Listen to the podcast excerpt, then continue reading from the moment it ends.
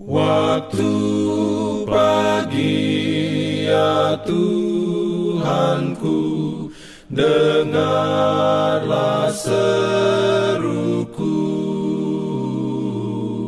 Melayang doa yang sungguh Memandang padamu. Selamat pagi pendengar Radio Advent Suara Pengharapan Mari mendengarkan suara Tuhan melalui tulisan pena inspirasi agama yang bersinar. Renungan harian 23 Desember dengan judul Taman Eden. Ayat inti diambil dari Yesaya 51 ayat 3. Firman Tuhan berbunyi, Sebab Tuhan menghibur Sion, menghibur segala reruntuhannya, ia membuat padang gurunya seperti Taman Eden dan padang belantaranya seperti Taman Tuhan. Di situ terdapat kegirangan dan sukacita, nyanyian syukur dan lagu yang nyaring.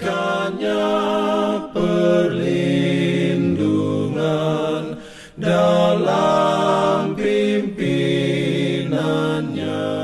Urayanya sebagai berikut.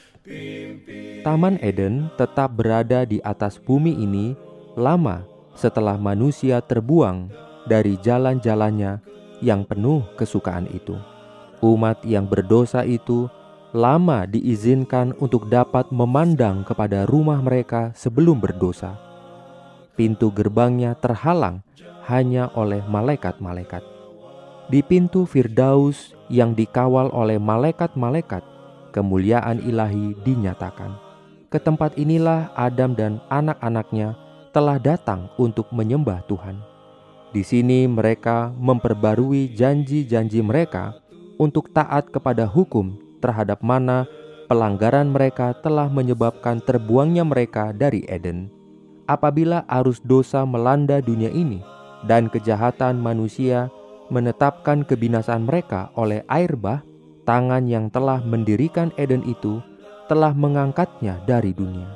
Tetapi pada pemulihan yang terakhir, bila mana akan ada langit yang baru dan bumi yang baru, maka taman itu akan dikembalikan lagi dalam keadaan yang lebih mulia daripada awal mulanya. Kemudian mereka yang telah memelihara hukum-hukum Allah akan menghirup kesegaran yang kekal di bawah pohon al-hayat itu. Dan sepanjang zaman kekekalan, penduduk dunia-dunia yang tidak berdosa akan memandang di dalam taman kesukaan itu satu contoh apa yang akan terjadi terhadap seluruh bumi ini kalau manusia telah mengikuti rencana halik yang mulia itu. Amin. Diberikannya perlindungan dalam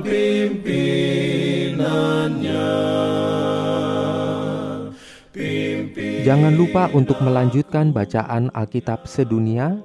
Percayalah kepada nabi-nabinya yang untuk hari ini melanjutkan dari buku Yesaya pasal 30. Selamat sabat dan selamat berbakti. Tuhan memberkati kita semua. Jalan kewajiban